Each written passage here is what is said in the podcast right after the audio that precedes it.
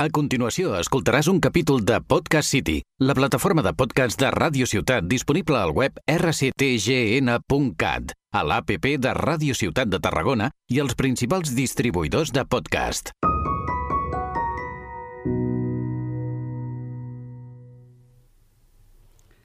Benvingudes i benvinguts a l'episodi número 0, l'episodi pilot de Maternitat i criança conscient, més enllà del que t'han explicat. Aquest podcast es mereix començar amb una frase d'en Michel Oden, metge francès que diu que per canviar el món, primer s'ha de canviar la manera de néixer. I jo, a aquesta fantàstica frase, sempre m'agrada afegir el que segueix després de néixer. És a dir, per canviar el món, també s'ha de canviar com som acompanyats els primers instants i anys de vida. Molt bones. Soc l'Estela Prado, dona i mare d'en Bruc, nascut a finals del maig d'aquest any 2022. També sóc mare d'una ànima que va marxar a les 8 setmanes de gestació uns mesos abans de concebre en Bruc. També dir que se'm coneix com a terapeuta maternal, ofici destinat a acompanyar la gestació, el part, la placenta, el postpart i la criança. I jo, l'Estela Prado, seré la veu principal d'aquest nou podcast sobre maternitat i criança. Semilla de vida que habitas en mi cuerpo, creciendo nueve lunas en la cueva interior del amor.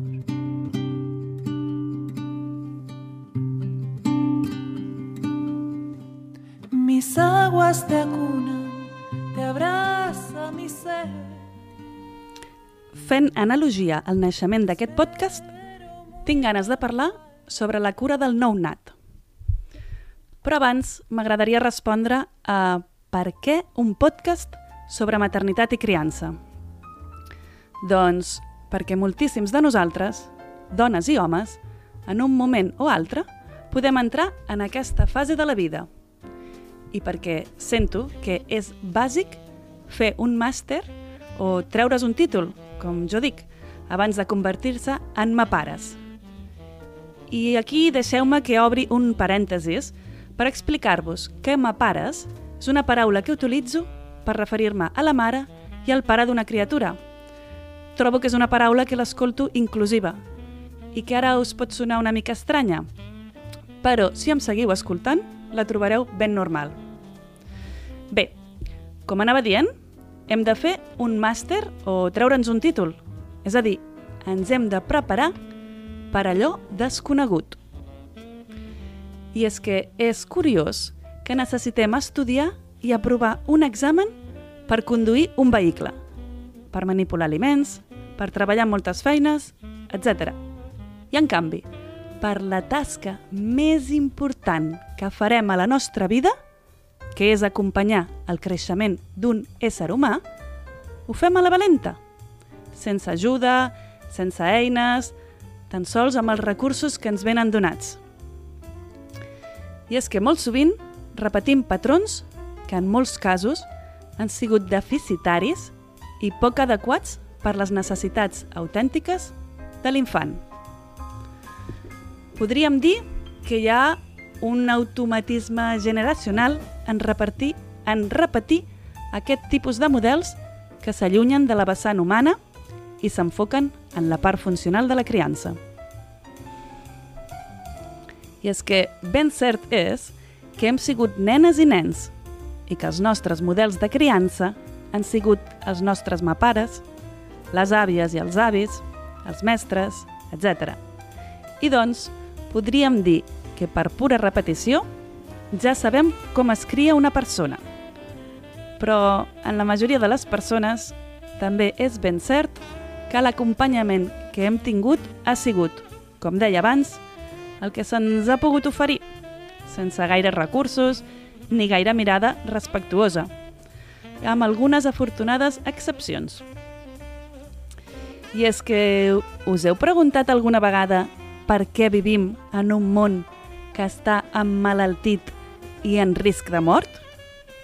Doncs jo crec que alguna cosa pot tenir a veure la manera en què ens han acompanyat en la nostra infantesa. I per mi, la clau és el respecte. El respecte per aquestes noves persones que arriben a aquest pla. Molt sovint volem tractar els infants com a petits adults. I no, no són petites o petits adults, són nenes i nens. Nenes i nens que tenen necessitats molt diferents a les nostres i, sobretot, ten, tenen altres maneres de percebre la vida. Per mi, és bàsic entendre aquesta altra manera de percebre la realitat i donar-li el valor que necessita, perquè cada infant sigui acompanyat de la manera que li cal en cada etapa. I així, inicio aquesta sèrie de podcast de la maternitat amb el naixement, tot i que, of course, la maternitat comença molt abans. Però ja tindrem temps de tornar enrere. Partim d'un nounat que tot el que coneix és la seva vida intrauterina. En aquesta vida intrauterina no existeix la necessitat com a tal, ja que qualsevol, entre cometes, necessitat està coberta abans que succeeixi. El nadó, dins el ventre, dins el ventre de la seva mare, està alimentat en tot moment. Pot dormir quan necessiti està bressolat constantment, es troba a la temperatura idònia i està protegit. I així totes les seves, altre cop entre cometes, necessitats. I és que la seva vida intrauterina està plena de luxes i de confort. Es troba en tot moment acompanyada, acompanyat del batec del cor de la seva mare i dels sorolls del seu cos. Ni tan sols té consciència d'ella mateixa com a persona individual. I de sobte, neix. Sí, tranquil·les, aviat dedicarem un podcast al part naixement també. Aleshores, com deia, neix i es troba en un món completament diferent. Un món on, per començar, es respira. Passa d'un medi aquàtic a respirar aire. És un món ple de llum, de sorolls, d'olors, amb les temperatures variades, i on el nadó és tocat. De cop, el sentit de tac del tacte va més enllà del contacte amb l'aigua. És tot un gir dels seus sentits. És un món on aquelles necessitats que no existien comencen a ser i a sobre han de ser cobertes i que fins que no es cobreixen, creen sensacions corporals totes noves i algunes, fins i tot, quasi massa molestes per ser suportades per aquest petit humà. I per això, al nounat, sento jo, li agrada que hi hagi una transició cuidada. Estic segura que li agrada arribar a un ambient amb llums tènues, amb el mínim de soroll amb una temperatura més aviat elevada i sentir des del primer instant el contacte de la seva mare pell a pell, ja que és la seva referència. Ella és tot el món que coneix i és amb ella amb qui, se sent, amb qui sent seguretat i benestar. Sí, sí, ja ho sé, ja ho sé. Això que us dic us deu sonar ben diferent i ben lluny al que s'acostumen a trobar els nostres nounats en les seves arribades en la majoria dels hospitals. Doncs mireu, ara que teniu aquesta informació, que sapigueu que teniu el dret, emparat per la llei de l'autonomia del pacient, a demanar el que necessiteu o el que necessiten les vostres filles o fills a qualsevol hospital que us atenguin. I, de fet, això lliga amb la importància de redactar un pla de part que representi els vostres desitjos, del que també parlarem en un altre podcast. Aquest pla de part és un document important a aportar a l'hospital previst per parir, si és el cas que pariu a l'hospital. I parlant de parir a l'hospital, trobo que tenim sort aquí a Catalunya comparat amb altres comunitats d'Espanya, però no tanta comparant-ho amb altres països europeus, on la mirada a l'hora de parir i néixer és molt respectuosa, amb una tendència a l'acompanyament al part a casa des de la sanitat pública.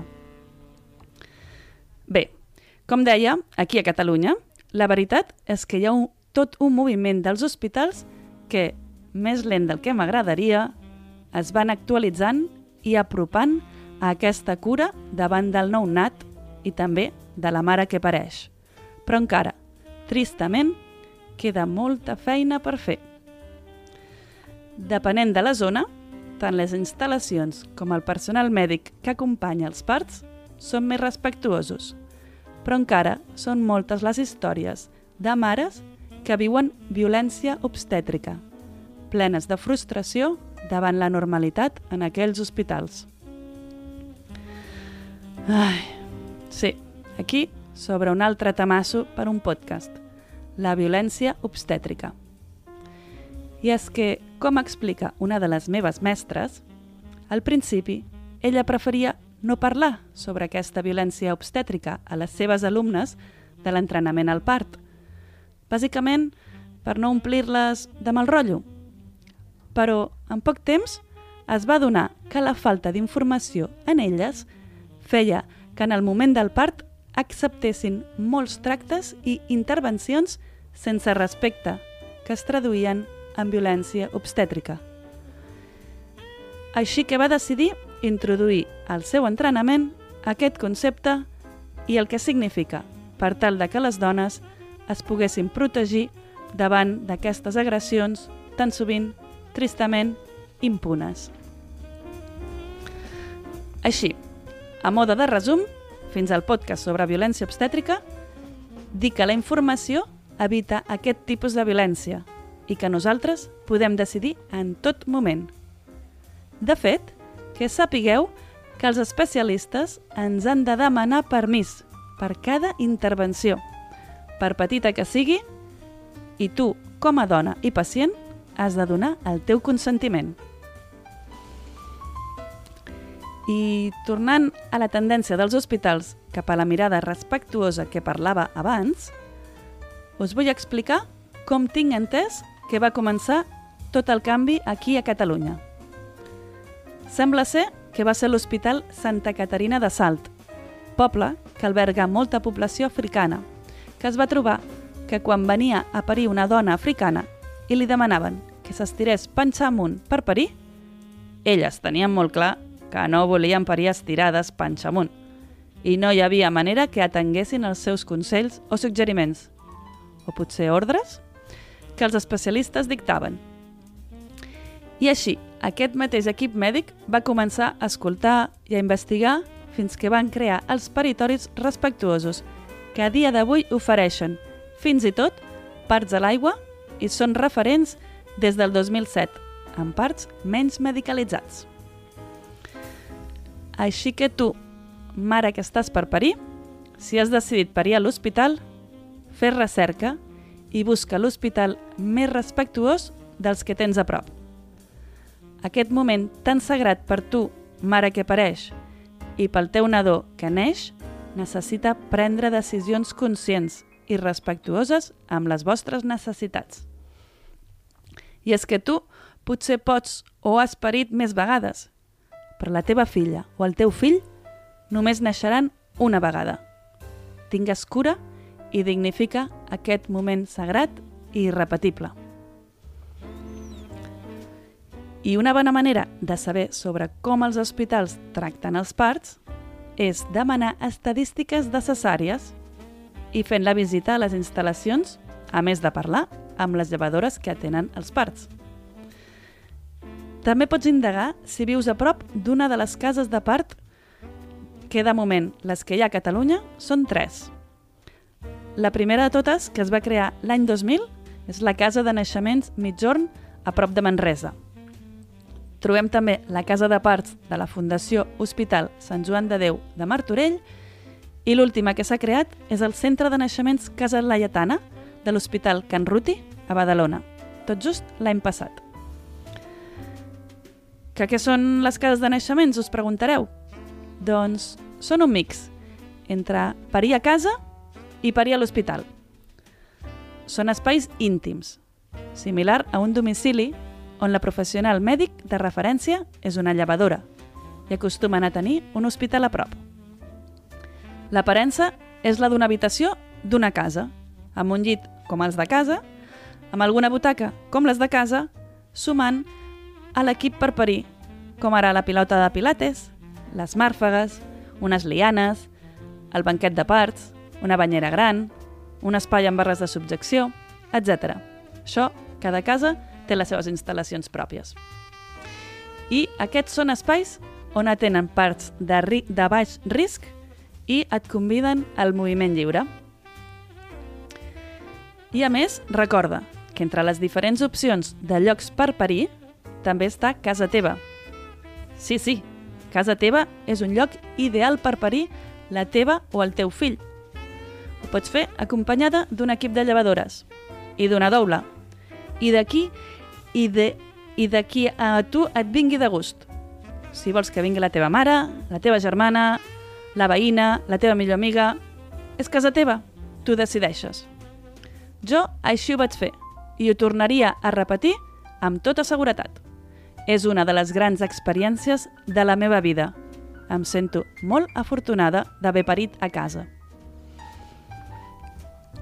Així que, idealment, hem de proporcionar espais, ja siguin a l'hospital, a les cases de naixement o a casa teva per tenir cura de l'arribada de l'infant, afavorint el moment d'intimitat. Calma i silenci de la nova família que es crea, amb les llums tènues, una bona temperatura i mantenint el nounat sempre pell en pell amb la mare. Siento tus alas rozando mi vientre con ganas de salir para ver el sol. Viajamos juntos en este nuevo renacer. Te espero muy pronto. Que, com parlava abans sobre les necessitats del nounat, aquesta de la proximitat amb la mare és de les més importants. Com he dit, el nounat fa un canvi gegant des de dins de l'útera a l'exterior i és la mare la que li dona seguretat, ja que és ella tot el que coneix. El nounat reconeix la seva olor, la seva veu, el seu batec i ella és qui li dona confiança que necess... qui li dona la confiança que necessita per descobrir la vida. Així, la primera hora després de sortir de la mare, el millor lloc on pot estar el nounat és sobre el cos de la mare. És on ell pot reptar fins a trobar el mugró per tal d'alimentar-se. Sí, sí, ells, són, ells sols repten des del ventre de la mare fins al mugró. S'orienten per l'olor i pel, cor, pel color fosc del mugró. Tenen una força increïble. Sabeu que aquest serà el seu segon impuls de vida? El primer ha sigut el de néixer. I sabeu que si permetem aquest aferrament espontani al nadó de ben segur que farà una agafada al mugró que serà quasi perfecta o, o simplement perfecta i això assegurarà molt segur una lactància més que exitosa perquè se li quedarà gravada al cervell. Sembla tot un truc de màgia, oi? Però simplement és fisiologia i instint de l'ésser humà. Tot calculat per sobreviure. I després, de ben segur que el nadó dormirà per trobar el descans a tan curt i intens camí que ha fet per sortir del ventre de la mare i tot el canvi que el seu cos està adquirint. I quan es desperti, seguirà necessitant adaptar-se a un ritme lent, tranquil i cuidat al costat de la seva mare. Així doncs, cuidar tota aquesta transició comporta que el nadó senti tranquil·litat i benestar, i doncs més pau pels mapares. Per cuidar la transició em refereixo a fer repòs. I és que, de fet, una mare en el postpart immediat el que més necessita és el cos, perdó, el que més necessita el seu cos és descansar. I és justament el que necessita el nounat. No parlo d'un repòs d'hores, sinó de setmanes. El nidó, el nadó ja tindrà temps de descobrir, més enllà de l'habitació, més enllà de la família del primer cercle, els mapares i els germans. I és que el món està ple de llums, olors i temperatures a les quals el nadó és molt sensible i es converteix en infinits nous estímuls que el seu cervell, cervell en formació, no pot assimilar d'una manera sana. És per això que convé minorar marxes i tenir una vida extremadament tranquil·la. Hi ha molts braços i, i molts braços dels mapares, perquè nosaltres, des de la nostra percepció adulta, no sabem què impactarà en aquest ésser en formació. I quan alguna cosa l'impacti, trobarà el refugi a la seguretat i el confort d'uns braços coneguts que li transmetran la informació que tot està bé.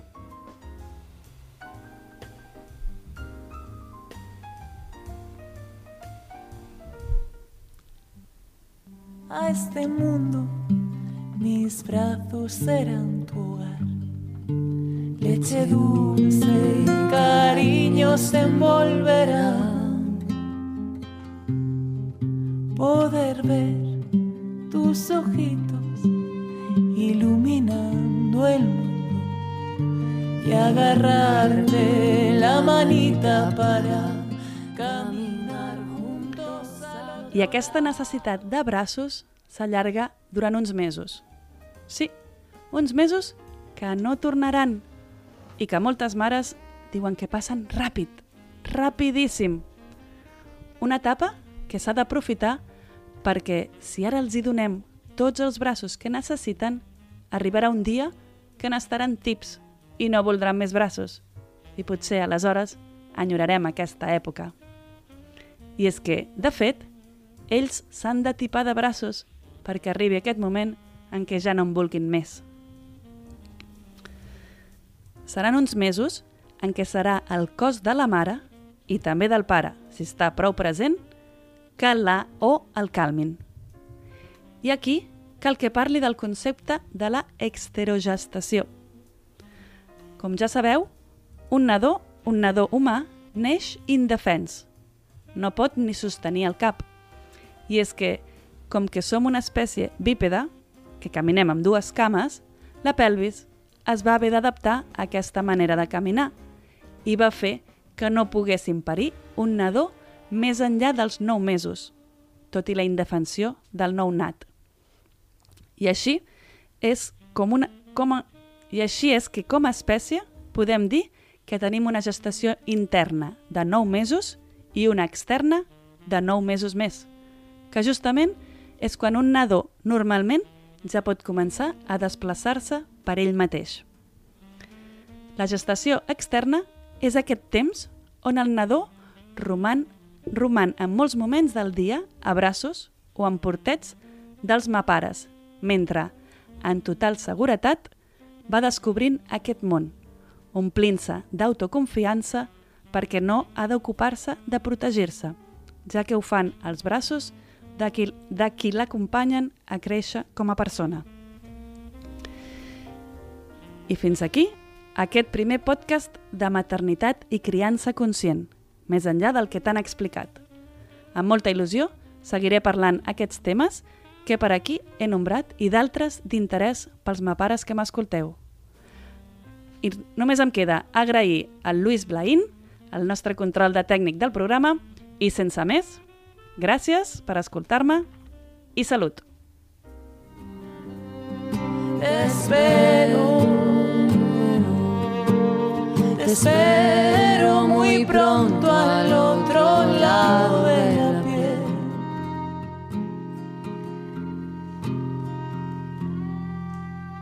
Al otro lado. de la piel. Has escoltat un capítol de Podcast City, la plataforma de podcast de Ràdio Ciutat disponible al web rctgn.cat, a l'APP de Ràdio Ciutat de Tarragona i els principals distribuïdors de podcast.